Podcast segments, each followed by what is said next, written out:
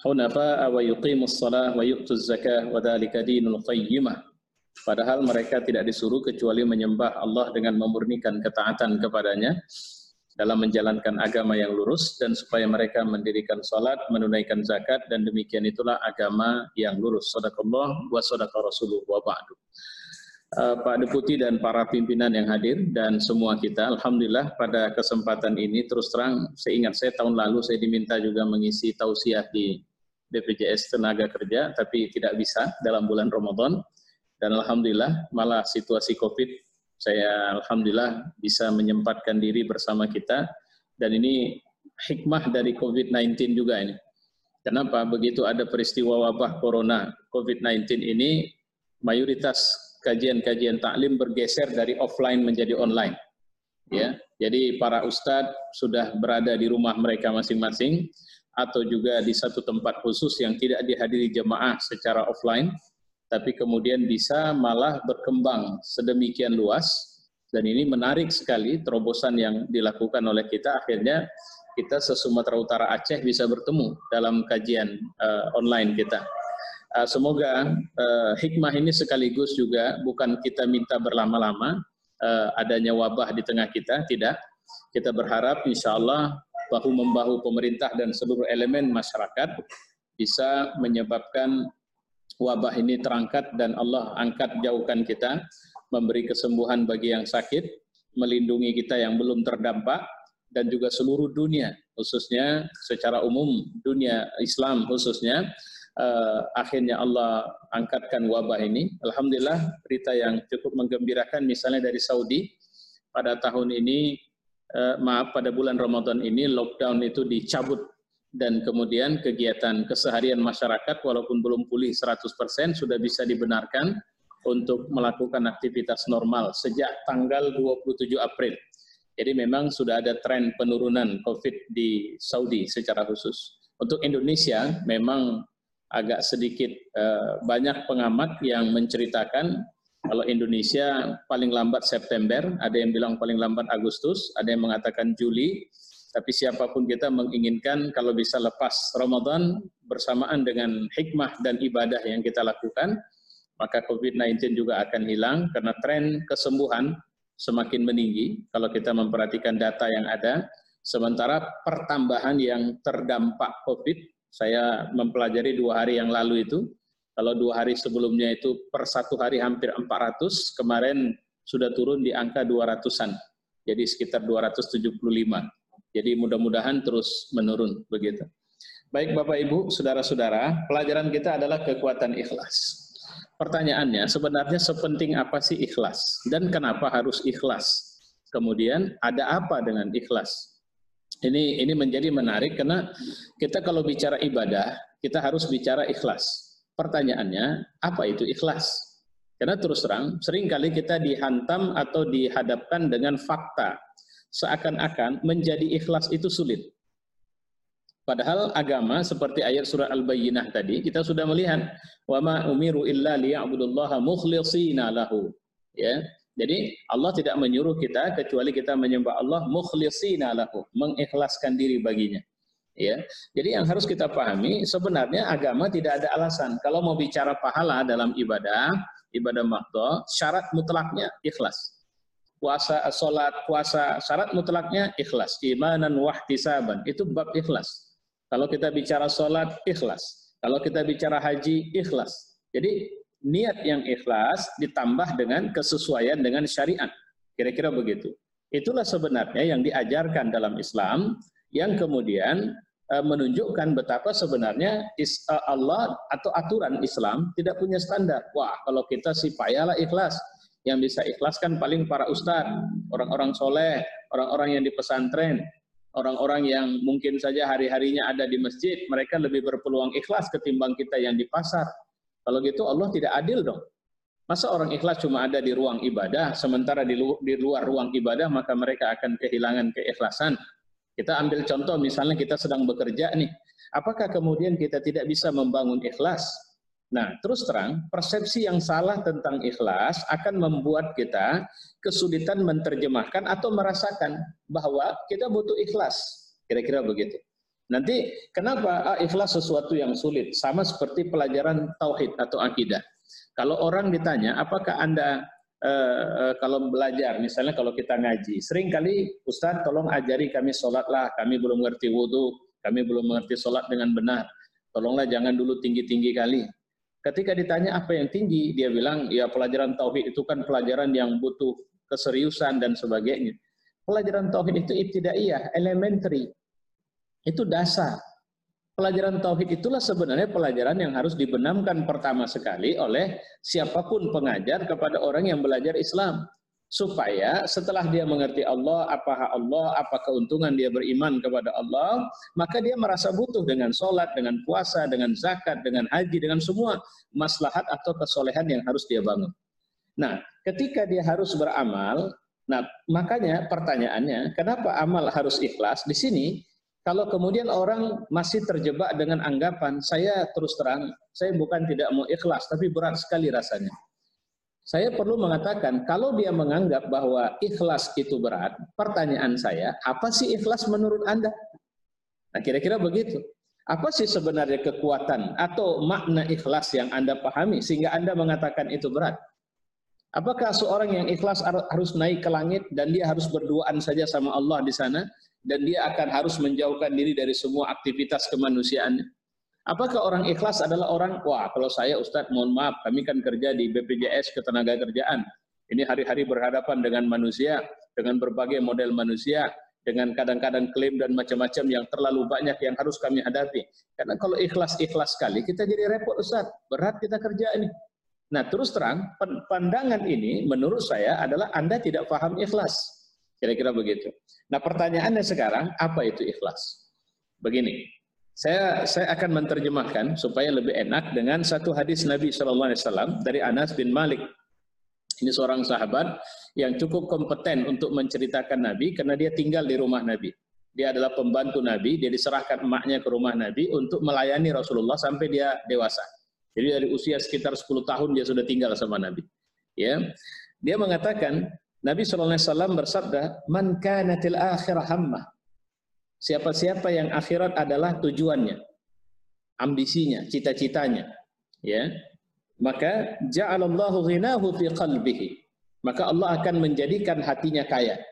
Ya, uh, cukup. Tidak ada tidak apa, tidak sempit. Ini saya terjemahkan dulu. Wa jama'alahu syamlahu. Dan dia akan menyatukan semua keinginan yang tercerai-berai wa atathu dunya wa raghimah. Dan dunia pun akan dia peroleh bahkan dunia itu tunduk hina kepadanya. Ini man kanatil akhirah hammahu. Jadi kalau bicara ikhlas kalau begitu ikhlas ini apa? Ikhlas ini sebenarnya kalau kita bicara niat niat ini untuk melakukan satu perbuatan amal maka ikhlas ini harus ada dalam niat. Begitu. Ikhlas ini apa? Ikhlas ini kalau ibarat komputer ini prosesornya. Ya. Yang kemudian nanti akan menggerakkan kenapa seseorang karena seseorang bisa saja bahwa saya sebenarnya sudah berniat. Bulan Ramadan ini saya akan menghatamkan Quran tiga, tiga kali. Tapi kemudian ternyata tidak ada kekuatan pendorong untuk mewujudkan itu menjadi amal. Kenapa? Karena tidak ada keikhlasan niat terbangun keinginan terbangun tapi kekuatan ikhlas sebenarnya adalah pengetahuannya tentang apa tujuan apa manfaat dari amal ini kenapa dia harus buat ini Nah, Allah menyuruh kita memulakan keikhlasan itu dari cerita hidup. Inna salati wa nusuki wa mahyaya wa mamati lillah.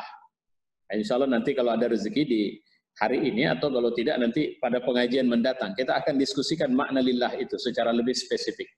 Karena sering kali saya lillahi ta'ala nih. Benar, lillahi ta'alamu itu apa? Gitu. Nah, ketika kita bicara Allah menyuruh kita untuk lillah, pertanyaannya bahwa hidupku matiku itu lillah kata lillah inilah sebenarnya muatan yang harus kita bangun dari semua aktivitas karena Allah mengatakan wa mahyaya wa mamati. Kalau bicara wa mahyaya maka dia bicara kamar mandi, dia bicara kamar tidur, dia bicara kamar kerja, dia bicara sendiri, dia bicara berdua, dia bicara di tengah keramaian, dia bicara rahasia, dia bicara urusan publik, dia bicara makan, dia bicara buang air, dia bicara seluruh aktivitas hidup. Jadi kalau mau kita pahami yang disebut dengan perbuatan adalah semua perbuatan. Jadi jangan Anda menganggap bahwa amal itu, kalau bicara amal, amal itu kan bahasa Arab. Bahasa Indonesianya action atau perbuatan, apa saja. Saya bicara ceramah ini tangan saya begini-begini. Pertanyaannya, ini nanti akan ada manfaat, akan ada keuntungan dunia dan akan ada keuntungan akhirat. Keuntungan dunianya apa? Ya, saya akan merasakan bahwa ternyata saya bicara lebih enak kalau tangan saya bergerak daripada tangan saya seperti ini. Saya ceramah begini, saya merasa lebih kaku. Tapi kemudian saya gunakan tangan saya, saya tunjuk, saya mutarkan tangan dan sebagainya. Nah, ini manfaat. Akhirat Allah akan tanya sama saya, kenapa waktu ceramah tangan memutar seperti itu? Apa untungnya? Kenapa? Dan sebagainya. Nah, ketika dia terbit dari dasar hati yang lurus, kira-kira begitu. Karena begini, kalau ikhlas ini pasti dari hati yang benar, hati yang bersih, hati yang penuh dengan keimanan, ketundukan kepada Allah. Makanya nanti muatan ikhlas adalah muatan saya sadar, saya tahu bahwa amal saya ini saya tujukan karena Allah. Kira-kira begitu. Pertanyaannya, kenapa harus karena Allah? Kalau saya cari makan, kenapa harus karena Allah? Apa untungnya bagi dunia saya dan apa untungnya bagi akhirat saya? Kalau enggak karena Allah, kenapa rupanya? Saya mau tanya, saya minta kepastian dari agama Islam. Apakah kalau saya cari makan karena Allah, saya bisa kaya raya? Apakah kalau saya cari makan karena Allah, maka semua kebutuhan hidup saya bisa terpenuhi? Kalau jawabannya tidak, untuk apa saya karena Allah? Di satu sisi Allah menyuruh saya memberi zakat, memberi infak, memberi sodako. Itu artinya Allah menyuruh saya seharusnya bahwa saya harus bekerja dan jangan cuma berpikir bisa memenuhi kebutuhan diri saya. Tapi saya harus bekerja dan bisa memberi manfaat pengaruh kepada orang-orang sekeliling saya. Zawil kurba dari orang-orang dekat kemudian juga dari akrobin, orang-orang karib kerabat saya. Kalau saya punya duit tapi hanya bermanfaat untuk saya, untuk apa saya punya duit? Kira-kira begitu. Pertanyaannya, baik, saya mau ikhlas. Bisa nggak dalam rangka saya menjadi presiden? Nah, ini ambil, wah, salah uh, ambisi yang cukup tinggi. Saya mau jadi presiden. Tapi lillahi ta'ala ini. Saya nggak punya niatan lain. Saya cuma punya niatan lillahi ta'ala. Bisa nggak memahami kalimat itu? Ya, saya mau jadi gubernur nih, tapi saya lillahi taala. Saya pegawai, saya standarnya masih biasa, saya masih level bawah. Tapi saya punya target, saya harus menjadi salah satu pimpinan tertinggi di BPJS Ketenagakerjaan. Lillahi ta'ala. Bisa nggak memahami kata lillahi ta'ala di sini? Bahwa, oh Bapak punya semangat. Iya, insya Allah. Saya serius. Bapak jangan main-main loh. Anda bisa diberhentikan, Anda bisa karir Anda bisa dimatikan kalau Anda bicara bahwa Anda ingin meraih jabatan pimpinan. Terserah, tapi saya lakukan ini semua karena Allah. Saya ikhlas. Bisa nggak paham? Saya ini mohon maaf sampai detik saya bicara ini, saya belum memberikan penjelasan apa itu ikhlas sebenarnya. Ya, bisa nggak memahami bahwa saya terus terang Pak Ustadz, saya mau penghasilan saya sebulan, rencana saya minimal harus 100 juta. Dan saya akan berupaya ikhlas mendapatkan itu. Dan terus terang saya tidak punya ambisi apa-apa Ustadz. Nilai 100 juta yang saya harapkan bisa saya dapat sebulan, itu saya harapkan lillahi ta'ala saja. Coba bayangkan kata lillahi ta'ala ini apa maknanya. Kata ikhlas di sini apa maknanya. Saya sedang, mohon maaf Bapak, Ibu, Saudara-saudara, saya sedang mengoyak pemikiran palsu atau pemahaman palsu kita tentang ikhlas, saya bilang. Saya ingin membawa kita keluar dan membuka ini semua, bahwa ikhlas itu akhirnya menjadi kekuatan atau motivasi utama yang membangun kerja kita seharusnya. Jadi begini, kalau ikhlas dimaknakan Bahkan ikhlas itu harus terbangun sebenarnya. Ikhlas itu baru bisa duduk terbangun kalau saya tahu apa tujuan, apa manfaat, apa keuntungan dari amal atau perbuatan.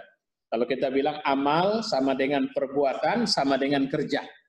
Jadi saya mau mengerjakan sesuatu dan saya akan ikhlas ketika saya tahu apa manfaat kerja ini bagi saya.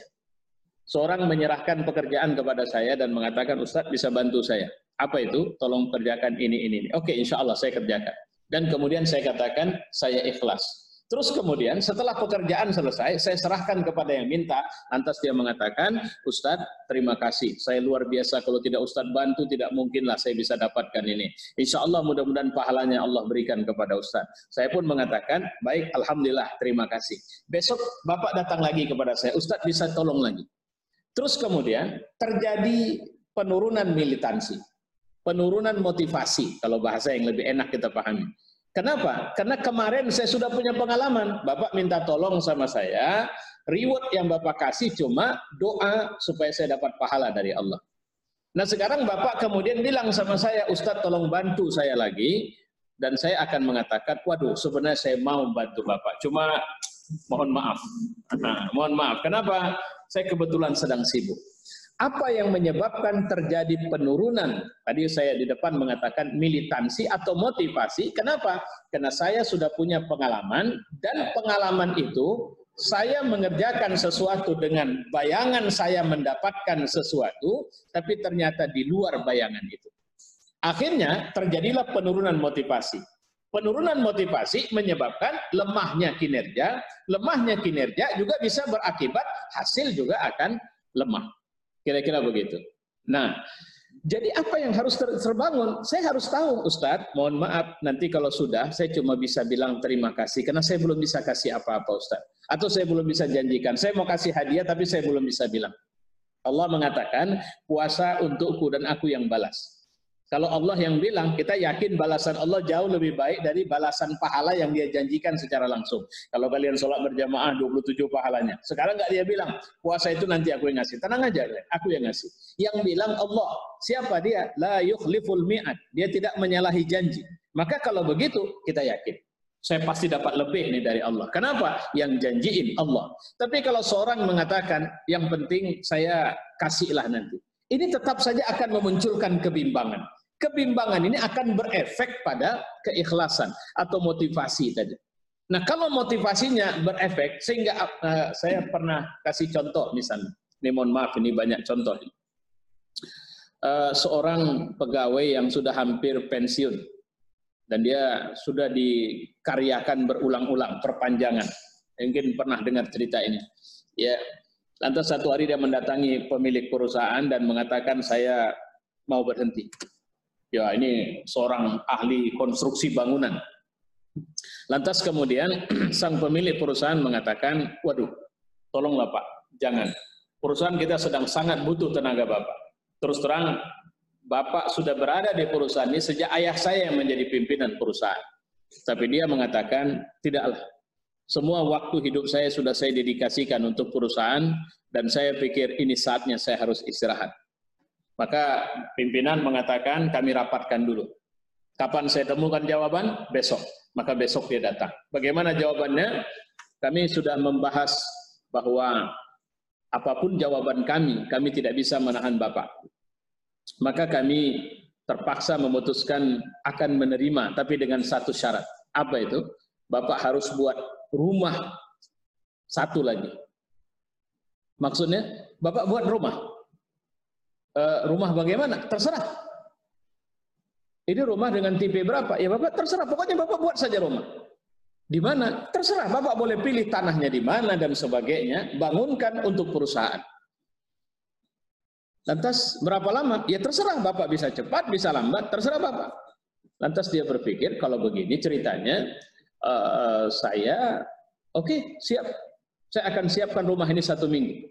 Tapi siapkan semuanya. Baik maka dia cari tanah, dia saya tidak bicara bagaimana dia kerja, tapi setelah satu minggu dia datang kepada pimpinan dan mengatakan rumah sudah selesai, bapak boleh eh, apa namanya cek rumah, ya maka dicek ke lapangan di mana masuk jalan besar, kemudian masuk jalan kecil, habis itu lebih kecil lagi. Nah kemudian sampai pimpinan perusahaan bilang, kenapa harus di daerah seperti ini bangun rumahnya? Maka dia jawab, Bapak kan tidak memberikan standar kepada saya. Bapak kan tidak bilang rumahnya harus di mana, bagaimana, dan sebagainya. Yang penting harus rumah ini selesai. Dan terus terang, saya sebenarnya pun sudah tidak begitu tertarik untuk bangun rumah ini. Maka saya sudah, eh, apa namanya, yang penting sama saya selesailah eh, tuntutan perusahaan, karena itu memang sudah jadi syarat. Sampai di rumah, pimpinan perusahaan terkejut. Karena rumah ini tidak tergolong rumah besar, bahkan tidak bisa dibilang rumah uh, sedang atau menengah, uh, diperiksa kenapa ruang tamunya sekecil ini. Uh, Bapak yang mau pensiun tadi bilang, saya kan sudah tanya sama Bapak sebelumnya. Bapak menyerahkan semua kriteria kepada saya.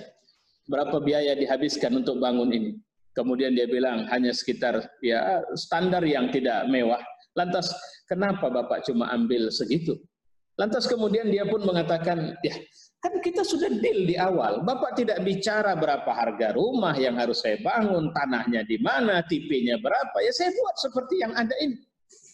Maka setelah periksa ruang, ruang tamu, ruang tidur, bahkan garasi yang dibuat hanya seadanya, maka pimpinan perusahaan mengatakan bahwa Pak, sebenarnya keputusan kami yang terakhir ini berencana untuk memberikan rumah sesuai dengan standar yang Bapak mau tanpa menyampaikan kepada Bapak ya bahwa rumah yang Bapak bangun sebenarnya adalah hadiah perusahaan untuk Bapak. Tapi mohon maaf kami, ternyata Bapak menyelesaikan rumah ini atau membuat rumah seperti ini, maka kami perlu sampaikan ini rumah yang sebenarnya merupakan hadiah perusahaan untuk Bapak. Padahal berapapun besar rumah, berapapun biayanya kami siapkan untuk Bapak, maka itulah kenapa kemarin saya mengatakan bahwa terserah Bapak. Nah, ini kuncinya. Nah, sampai di sini ceritanya, apa yang terjadi? Saya sering mengatakan, inilah bab ikhlas itu. Kalau kita ikhlas, pertama, ikhlas itu harus dibangun di atas keyakinan kepada siapa kita berbuat. Ya, Pertanyaannya sekarang, ketika kita mengerjakan sesuatu dan berpikir sesuatu ini adalah kebutuhan orang lain, saya khawatir kita akan terkurangi keikhlasan. Yang harus kita pahami bahwa sesuatu ini sebenarnya besar pengaruhnya, besar manfaatnya, besar keuntungannya bagi kita, maka kita tidak peduli. Makanya ada istilah enjoy your work, enjoy your life. Nikmati hidupmu, nikmati kerjamu. Kalau seorang yang bekerja dia selalu menikmati kerjanya, sampai ada seorang, saya ambil ilustrasi lain ini. Seorang yang sudah bekerja juga puluhan tahun di satu rumah sebagai pembantu di satu rumah dan dia sudah merasa akan diberhentikan karena dia sudah makin tua. Karena pemilik rumah sudah mencari pembantu-pembantu baru, tapi dia tidak pernah diberhentikan. Satu hari dia minta waktu sama majikan dan dia mengatakan, "Pak, saya minta tolong satu saja." Sama seperti tadi, saya sudah bekerja di rumah ini sejak masa orang tua Anda dan sekarang Anda lah pemilik rumah ini. Ayah Anda, ibu Anda sudah seperti saudara sama saya. Dan saya tidak pernah merasa saya adalah pekerja di rumah ini. Dan sekarang saya sudah merasa tua. Dan sepertinya sudah saatnya saya harus berhenti atau diberhentikan dari sini. Dan saya maklum jika Anda mengatakan saya berhenti. Tapi saya mohon izin satu hal saja. Anda tidak usah bayar saya tidak masalah. Tapi tolong jangan berhentikan saya kerja di rumah ini izinkan saya sampai datang kematian saya, saya bekerja di rumah ini. Kira-kira apa respon majikan? Kalau pembantunya mengatakan seperti itu. Ya, artinya apalagi kalau majikannya sudah kadung sayang sama dia. Pak, Anda tidak pernah kami posisikan sebagai pembantu di rumah ini. Bahkan saya menganggap Anda orang tua kami di rumah ini. Anda boleh lakukan apa saja yang Anda mau di rumah ini. Karena Anda bahagian dari rumah ini. Anda bukan orang yang bekerja di rumah ini. Coba bayangkan, ketika motivasi kerjanya adalah ada istilah sense of belonging, ya, rasa kepemilikannya muncul, maka yang muncul adalah energi besar yang seharusnya ter, apa, tercurahkan dalam kerja itu akan sepenuhnya tercurahkan. Tapi kalau Anda bekerja atau saya bekerja atau kita semua berbuat yang kita hanya memikirkan apa yang kita mau menurut pikiran kita, maka yang kita keluarkan tidak energi yang natural. Kita hanya akan mengerjakan sesuai dengan standar SOP-nya saja. Padahal kalau kita mengeluarkan energi berkelimpahan yang kita punya, nah makanya keikhlasan itu mendorong munculnya khusyuk. Khusyuk itulah yang membuat ibadah kita jadi nyaman. Usul itulah yang membuat orang puasa tetap merasa dia sedang berpuasa dalam keadaan seperti apa pun. Bahkan ikhlas kalau dalam kerja istilahnya, saya mau di level mana pun tidak masalah. Saya mau bekerja di posisi apa pun tidak ada masalah. Tapi saya harus membuktikan bahwa saya layak dengan pekerjaan ini dengan mewujud nyatakannya karena saya tahu bahwa ini bukan persoalan gaji saya, tapi ini persoalan nasib saya di hadapan Allah. Apakah Allah menginginkan saya kaya dari kerja? Pasti. Apakah Allah menginginkan umat Islam menjadi pemimpin di muka bumi? Bukankah itu yang dinyatakan dalam Quran? Nah, ini yang harus kita garis bawah ini. Kita balik kepada dalil tadi supaya kita bisa lihat ini maknanya. Siapa yang akhirat adalah cita-citanya. Jadi orientasi. Jadi kalau dia berdiri di sini, Fokusnya adalah akhirat. Artinya akhirat ada dua fokus. Dia bahagia di akhirat, diselamatkan dari neraka. Selamat dari neraka ini artinya masuk surga. Saya ingin hidup dan semua yang saya lakukan, bagaimana caranya supaya saya bisa masuk surga. Untuk bisa masuk surga, saya balik ke dunia dan saya akan memposisikan dari makan sampai buang air, dari tidur sampai tidur lagi, harus targetnya di situasi apa pun saya mati, maka kematian itu Allah sayang sama saya. Kira-kira apa yang saya lakukan? Saya buat ilustrasi. Kita masuk kantor misalnya jam kantor jam 8 pagi, tapi Anda datang jam 9 pagi. Saya mau tanya, Anda bekerja semangatnya apa? Saya ingin cari ridho Allah, Pak. Oke, baik. Cari ridho Allah, pertanyaannya, apakah Allah ridho Anda datang terlambat atau Anda datang tepat waktu?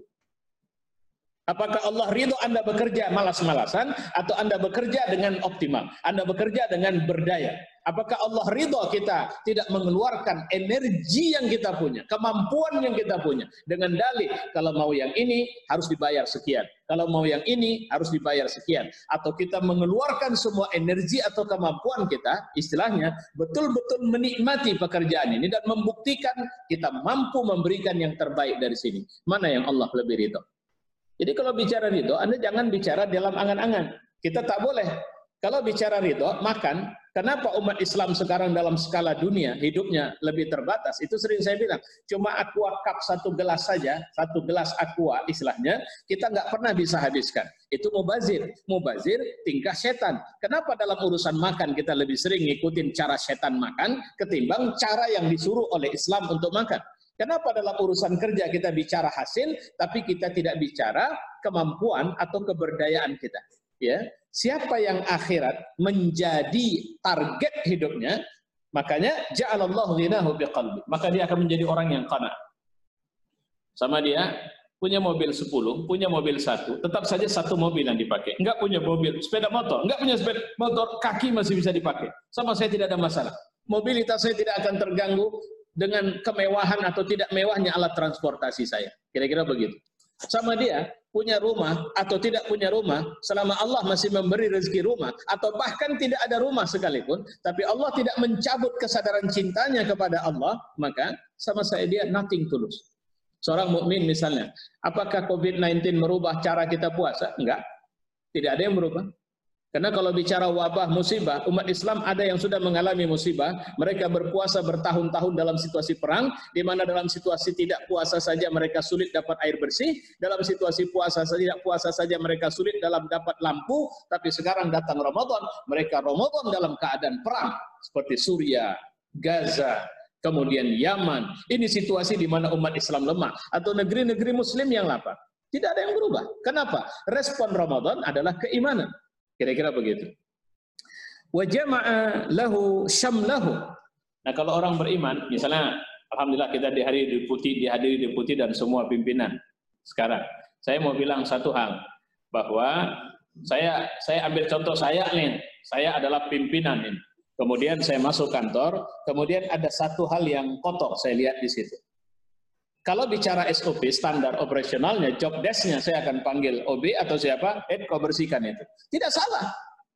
Tapi kalau seorang yang mukhlisin, orang-orang yang ikhlas, dia malah selama di situ ada kredit pahala di mana Allah bisa ridho, aku akan lakukan. Aku nggak perlu OB di sini.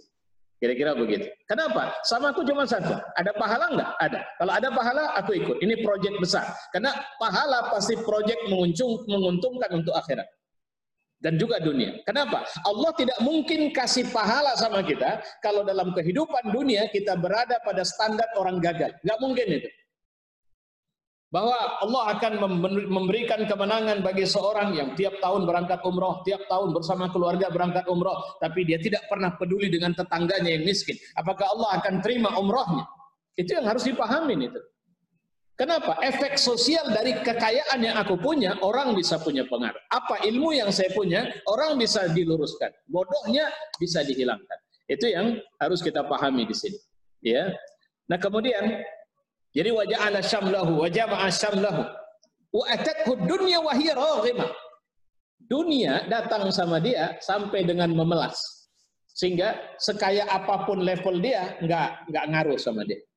Artinya apa? Dia tetap orang yang tawadu, dia tetap orang yang tunduk sama Allah, karena proyek besar hidupnya Allah ridho. Sehingga kekayaan makin banyak itu dijadikannya sumber daya untuk tetap mengupgrade posisi ketakwaannya di hadapan Allah Subhanahu wa taala. Ini kekuatan ikhlas itu.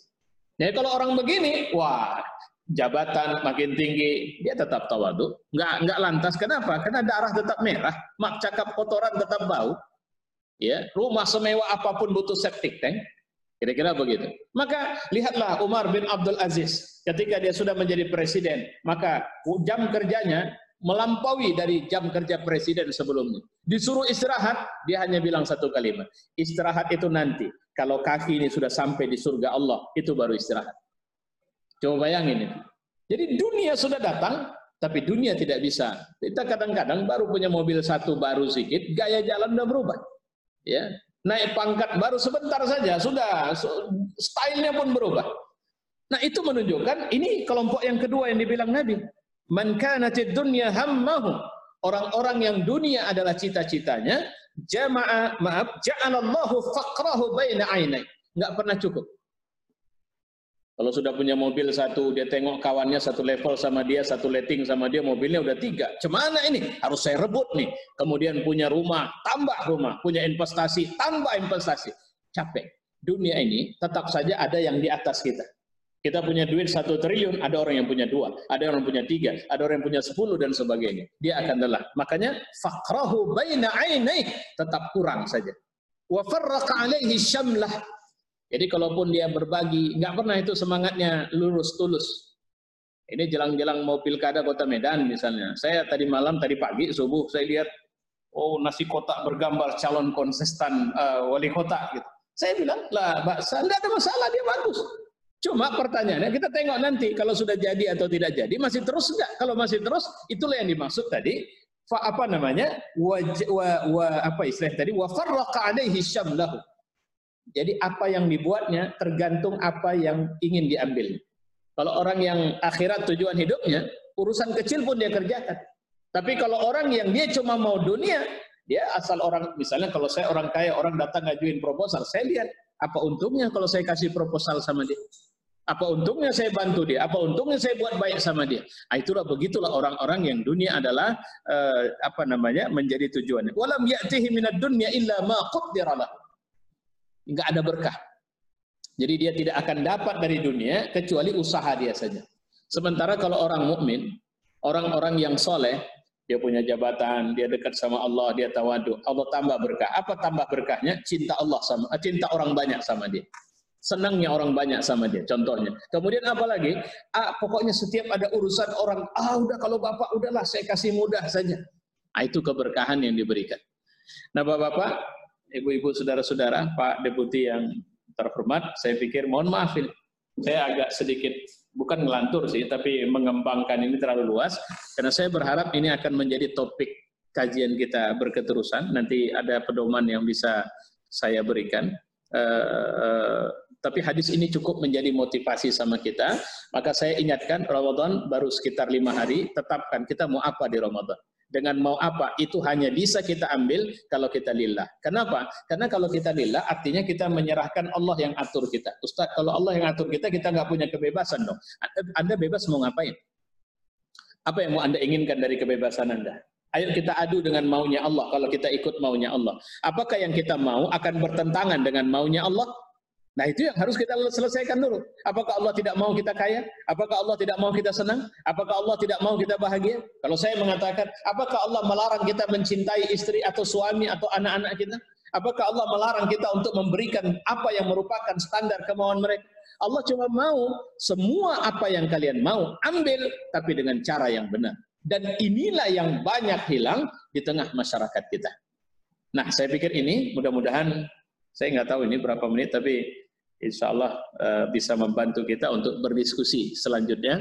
Dan saya berharap Bapak-Bapak tidak sebagai murid bagi gurunya, tapi sebagai teman yang akan memberi masukan, pengkayaan terhadap kajian kita ini semua, karena saya sedang menceritakan dan mensesuaikan dengan hari-hari kita keseharian, bukan orang yang biasa di masjid, tapi orang yang biasa dalam hidup.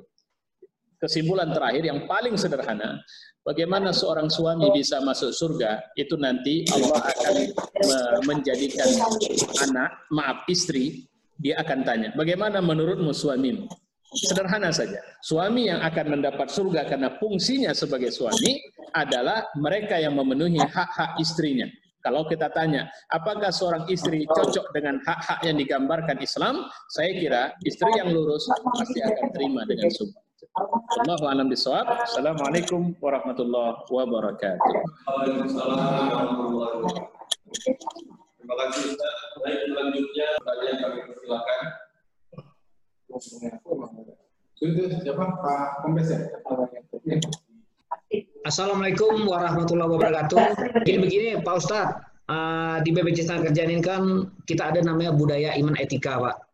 Ya sudah dibentuk oleh manajemen terkait dengan perilaku kita sehari-hari bagaimana bekerja dengan landasan iman. Mm -hmm. Yang menarik di sini Pak, ada muatan-muatan yang Bapak sampaikan ke, ke kami di sini. Saya, saya pribadi Pak yang sudah berkeluarga, ikhlas itu sangat gampang diimplementasikan Pak. Karena ketika kita militansi bekerja Pak, tanpa diimbangi motivasi lain tentu ikhlasnya akan berjalan dengan baik. Hmm, hmm. Nah ini yang membuat saya menarik ketika ikhlas ini saya implementasikan dalam rumah tangga juga Pak. Misalnya melaporkan kaji dengan sebenarnya kepada istri, kepada anak, dan terbuka apa saja Pak. Nah yang menjadi tanggapan saya di sini, mohon kiranya Bapak dapat memberikan kami salah satu membangun rasa ikhlas itu Pak di dalam konteks bekerja, menghormati atasan dan bawahan, Pak. Sehingga ke depan ikhlas ini akan membentuk suatu bangunan yang kuat tanpa didukung dengan pekerjaan yang ikhlas tadi, Pak. Tentu jabatan itu akan datang sendiri. Itu ya. Pak. Jadi saya mohon Pak bimbing dan arahan. Demikian wassalamualaikum warahmatullahi wabarakatuh. Assalamualaikum. Ini saya langsung jawab. Baik. Jadi begini, kekuatan ikhlas ini hanya dimiliki oleh orang beriman. Itu satu. Orang-orang materialis mereka tidak akan ikhlas. Ya, motivator-motivator dunia itu banyak dari kalangan materialis. Mereka hanya bicara tentang keuntungan-keuntungan material kalau kita melakukan A, B, C, D dan sebagainya. Ya, bahkan kalau Bapak mungkin baca buku The Secret dan kemudian ya. implementasinya dalam berbagai tulisan ya banyak sekali itu Jack Canfield macam-macam itu menulis terkait uh, ilmu The Secret ini The secret ini tidak tidak tidak apa namanya tidak me, me, me, apa, menyinggung moralitas pribadi seseorang. Tapi beda dengan Islam. Ketika Islam bicara moralitas, Islam bicara sampai pada moralitas kepada binatang. Seorang masih diancam masuk neraka kalau kucing di rumahnya dia sengaja membiarkan mati kelaparan. Seorang masih diancam masuk neraka walaupun dia sudah mengupgrade semua ketakwaannya, tapi mulutnya tidak pernah bisa membuat orang tenang dan bla bla bla yang lain. Artinya apa? Coba perhatikan bahwa ketika kita bicara dengan pendekatan agama, agama selalu mengantarkan kita untuk bicara tentang kehidupan di sana. Di sana ini apa? Akhirat. Jadi, nah ini yang tidak dipunyai oleh orang-orang materialis. Orang-orang materialis bicara sukses kalau Anda makin ting banyak atau kita itu makin banyak duit, makin banyak rumah, makin nambah istri dan sebagainya. Kira-kira begitu. Nah, sementara Islam selalu misalnya bicara puasa. Puasa nanti ada pintu di surga namanya Royan. Puasa itu bisa menghindarkan dari api neraka. Sodako bisa menghindarkan dari api neraka. Solat bisa mengupgrade posisi kita di hadapan Allah. Dan kemudian Allah ridho dan membawa kita pada kemudahan hisab. Semuanya ke sana, tapi jangan lupa ketika bicara dengan pendekatan, ini yang saya bilang tadi, mindsetnya kepada cerita ukhrawi, kepada cerita akhirat, tapi actionnya harus dipulangkan di sini here ya dalam kehidupan hari ini. Nah, persoalannya ketika kita bicara ikhlas ada satu muatan yang mau tidak mau tetap saja ini digaransi Allah apa? Kenapa kita harus beragama? Sering saya katakan, sebabnya satu ada ketidakpastian, ada ketidakberdayaan, dan ada ketidakmungkinan. Kita sering terbentur dengan tiga hal ini. Kita tidak pasti, kita tidak berdaya, kita tidak mungkin. Ketidakpastian, misalnya saya tadi contohnya, saya ingin naik jabatan saya dan saya mengira untuk bisa naik jabatan saya harus dekat dengan pimpinan. Ketika saya dekat dengan pimpinan, sebenarnya pimpinan saya juga punya mata batas waktu jabatan. Nah, ketika ternyata saya dekat sama dia, oke okay lah dia upgrade saya, saya naik jabatan dan dia berakhir jabatan, bukan tidak mungkin akan berefek sama saya. Saya juga akan bang, Kenapa? Karena pimpinan sudah berganti, maka rotasi kepemimpinan atau jabatan akan terjadi. Nah, ketidakpastian yang disandarkan kepada makhluk akan tetap memunculkan kebimbangan demi kebimbangan. Itulah akhirnya kalau kita tidak ikhlas, Orang-orang seperti ini lebih sering memproteksi, mempertahankan kenikmatan yang dia dapatkan. Sebahagian orang kalau bicara jabatan, mohon maaf saya, dia jadi penjilat. Siapa pun pimpinan, dia jilat. Misalnya pimpinan yang mengangkat dia sudah berhenti, lantas dia cepat berubah wajahnya untuk mendekati pimpinan yang baru. Apakah karena dia loyal kepada pimpinan yang baru? Jawabannya tidak. Kenapa? Dia ingin selamatkan jabatannya. Padahal ketika dia mencoba menyelamatkan jabatannya, sebenarnya apa yang mau diambil? Duit. Apa yang mau diambil? Kekayaan. Oke, duit dan kekayaan dia bawa pulang ke rumah. Pertanyaannya, apakah duit dan kekayaan bisa memberikan kebahagiaan bagi rumahnya? Belum tentu juga. Nauzubillah min zalik. Bisa jadi istrinya selingkuh, bisa jadi anaknya terjebak narkoba dan sebagainya. Memang makin kaya, tapi moralitas di satu titik di rumahnya ambruk. Kenapa? Karena dia menyandarkan kepada material. Nah, bagaimana kalau dia menyandarkan dengan pendekatan lillah? Masya Allah. Di sini bedanya. Allah tidak mungkin merugikan kita. Allah tidak mungkin mencelakakan kita. Allah tidak mungkin merencanakan kegagalan kita. Allah mungkin membiarkan kita tidak mendapatkan apa yang kita maui mengikut keinginan kita. Tapi pasti Allah tidak membiarkan kita kehilangan dia. Itu di semua keadaan. Artinya apa? Seorang yang mungkin dia sudah bilang, dalam kesendirian dia bilang, Tuhan, aku ingin jabatan itu. Karena jika jabatan itu kudapatkan, maka aku akan bisa melakukan ini, ini, ini. Semua aku kerjakan di jalanmu. Ya Allah, simpan ini sebagai rahasiamu dengan Allah. Setelah disimpan, maka upgrade lah, berdayakanlah. Kerjalah dengan enjoy. Kalau gaji sudah memang hak, tapi saya ingin menikmati pekerjaan ini. Saya ingin tunjukkan saya punya kelas terbaik. Kalau saya marketing, orang-orang akan lebih banyak paham dengan ini. Saya pernah didatangi marketing sebuah perusahaan asuransi. Dan lantas dia hanya memberi testimoni, Pak Anu sudah ikut, Pak Anu sudah ikut, Pak Anu sudah ikut. Saya hanya menjawab satu hal. Lantas kalau semua Pak Anu yang kau bilang sudah ikut, terus apa yang membuat aku bisa ikut? Apa karena Pak Anu itu? Nggak bisa, Mas. Anda harus kasih tahu, kalau saya ikut ini, apa manfaat yang bisa saya dapat dari ini semua? Itu yang harus Anda sampaikan. Nah, cuma karena dia tidak, karena keikhlasan akan membuka energi yang kita selama ini tidak sadar itu ada dalam diri kita. Coba bayangkan, bagaimana seorang buta bisa hafaz Quran? Apa yang memotivasi dia untuk itu semua? Bagaimana seorang yang lumpuh tapi kemudian tidak pernah kehilangan masjid untuk bisa melaksanakan sholat berjamaah? Apa yang memotivasi itu semua? Bagaimana seorang yang sudah tua renta yang jalan saja susah, tapi tetap setiap takbiratul ihram pertama dia tidak pernah ketinggalan dalam jamaah. Apa yang membuat itu semua? Keikhlasan akan menyebabkan kesulitan itu terasa lebih mudah. Keikhlasan akan menyebabkan sesuatu yang menurut kita tidak mungkin menjadi mungkin. Nanti Bapak boleh lihat di surat Asy-Syu'ara.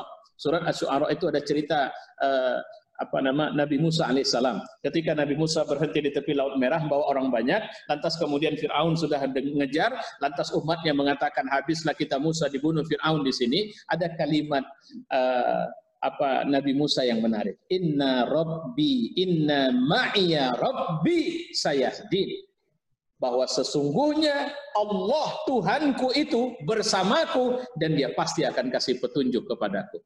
Jadi artinya orang ikhlas orang yang tidak ada matinya. Orang orang ikhlas orang yang ketika kesulitan dia tahu ke mana dia harus pergi. Orang ikhlas akan Allah berikan sesuai dengan kapasitasnya.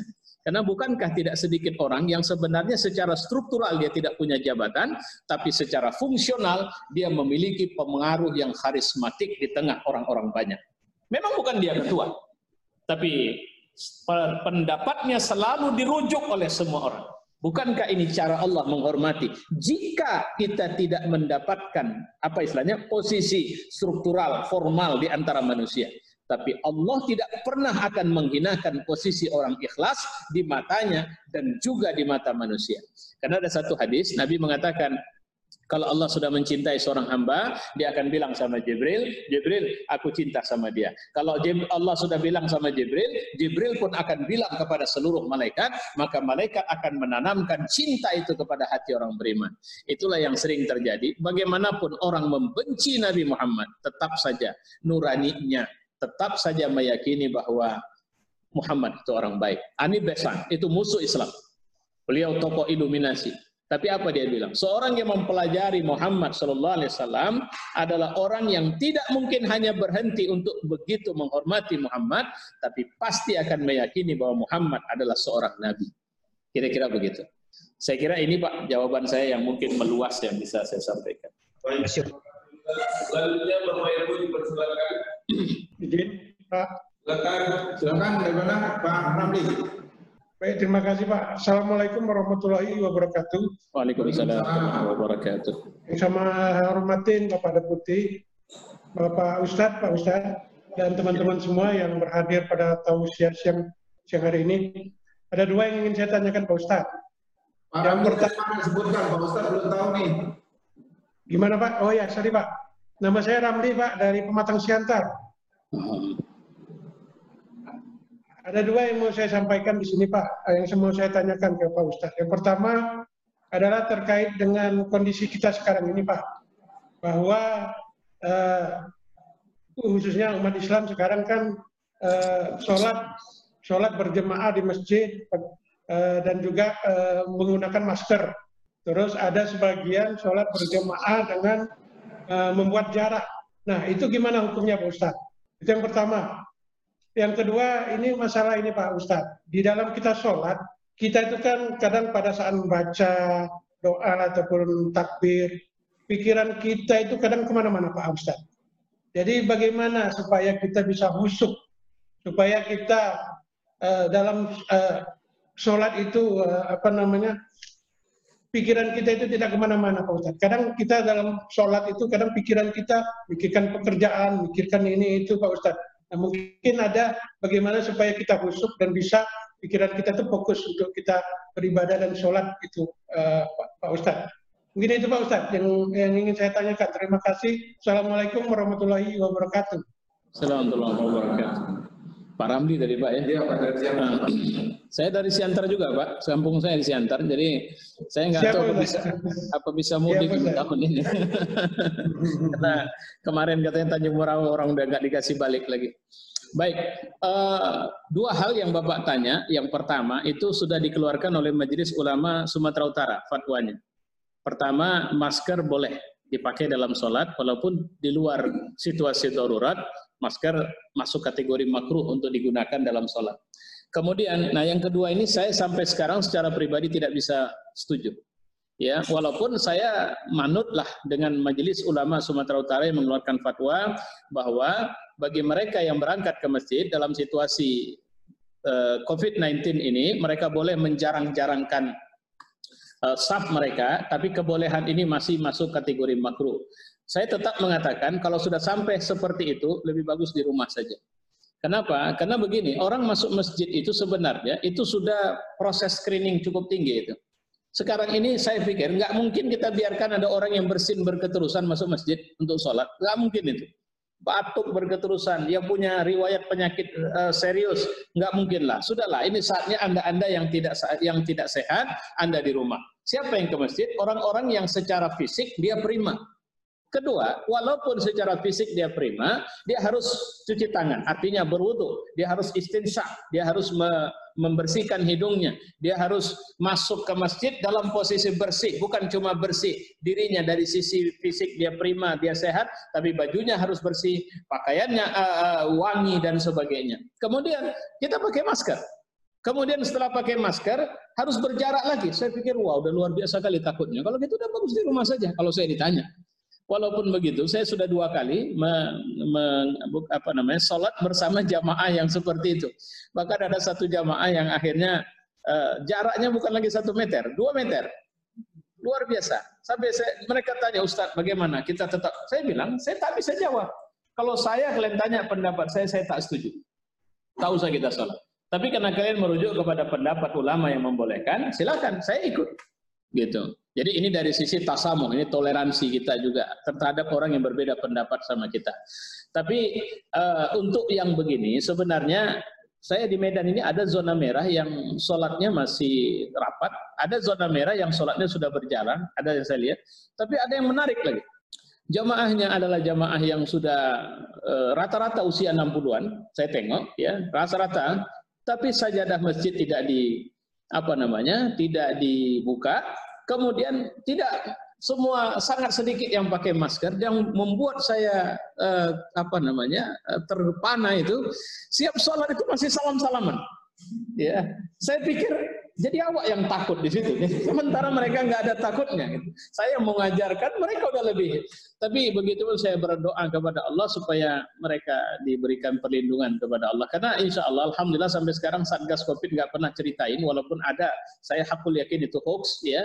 Tapi Satgas Covid nggak pernah bilang bahwa persebaran Covid di masjid lebih banyak dari persebaran Covid di uh, luar masjid. Uh, tapi begitu pun memang ini mohon maaf saya panjangin sedikit tingkat kesadaran masyarakat kita lemah. Ya, saya memperhatikan beberapa daerah, terutama daerah saya Pak. Saya daerah Tembung, nah, saya jalan-jalan selalu lewat Dene, ah Dene Tembung. Wah ini kalau saya bilang ada ODP, ada PDP, ah, di sana OJK banyak. Nah, orang jogal kali istilah. Nah, jadi di sana banyak. Jadi artinya nanti naik sepeda motor, jangankan helm, masker nggak dipakai, helm nggak dipakai. Kalau anak saya selesai bawa itu apa kata mereka?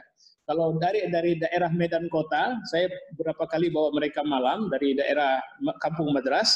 Nanti kalau sudah masuk ke arah Serdang, anak saya langsung bilang apa? Kita masuk ke kawasan bebas COVID. Kenapa? Kehidupan normal. Enggak ada, enggak ada yang. Nah ini juga perlu perhatian dari pemerintah ini. Pertanyaan pertama. Jadi dua-dua boleh dengan catatan ini kondisinya darurat. Yang kedua tadi masalah khusyuk. Kalau ada saat sholat, Pak. Jadi pada saat dia Ah, baik, baik. kebayang atau. Baik. Ini sederhana. Imam Ghazali pernah memberikan catatan sederhana. Sekarang gini, kalau Pak Ramli segan sama Pak Deputi, nah ini contoh, ini sederhana. Ini memang contoh dari Imam Ghazali. Pak Ramli segan dengan Pak Deputi. Sekarang bayangkan waktu sholat Pak Ramli, Pak Deputi ngelihat Pak Ramli dengan catatan ini semacam assessment untuk Pak Ramli. Insya Allah akan mengupgrade posisi Pak Ramli kalau menurut deputi hasilnya bagus. Nah, pasti sholatnya akan nah, akan lebih bagaimana uh, shotnya pun akan lebih pasif dia. Nah, kira-kira begitu. Jadi bayangkan orang yang Anda segani melihat, mendampingi, mengawasi Anda ketika Anda sedang mengerjakan sholat. Itu yang paling ringan. Ya, saya tak bicara yang lain-lain, tapi itu kiat dari Imam Al Ghazali. Saya pikir itu jawabannya dan saya mohon maaf, mungkin izin Pak. Ya. Ini yang terakhir ya. Siap. Nanti insya Allah di waktu lain. Baik, eh, baik sekalian. Demikianlah dalam ngobrol kita seputar agama. Terima kasih Ustaz atas waktunya dan atas eh, jawaban-jawabannya yang luar biasa tentang tema kita pada hari ini. Eh, kami juga mohon maaf bila mana dalam kita ini ada hal yang kurang berkenan. Ya. Baik, eh, sebelum ditutup Ustaz, eh, kami mungkin mohon doanya sebentar. Baik. Ustaz. Baik, eh, demikianlah eh, kajian kita pada hari ini. Mudah-mudahan mendapatkan Terima kasih. Assalamualaikum warahmatullahi wabarakatuh. Mari sama-sama kita tutup dengan doa. Alhamdulillahirrahmanirrahim. Wassalatu wassalamu ala والصلاة anbiya wal mursalin wa ala alihi wa sahbihi ajma'in. اللهم ادفع عنا الغلاء والوباء والبلاء والفحشاء والمنكر والسيوف المختلفة والشدائد المهن ما ظهر منها وما بطن من بلدنا هذا خاصة ومن بلدان المسلمين عامة إنك على كل شيء قدير. ربنا آتنا في الدنيا حسنة وفي الآخرة حسنة وقنا عذاب النار. وصلى الله وسلم على محمد وعلى آله وصحبه أجمعين. والحمد لله رب العالمين. تقبل الله منكم. Minkum takabbal ya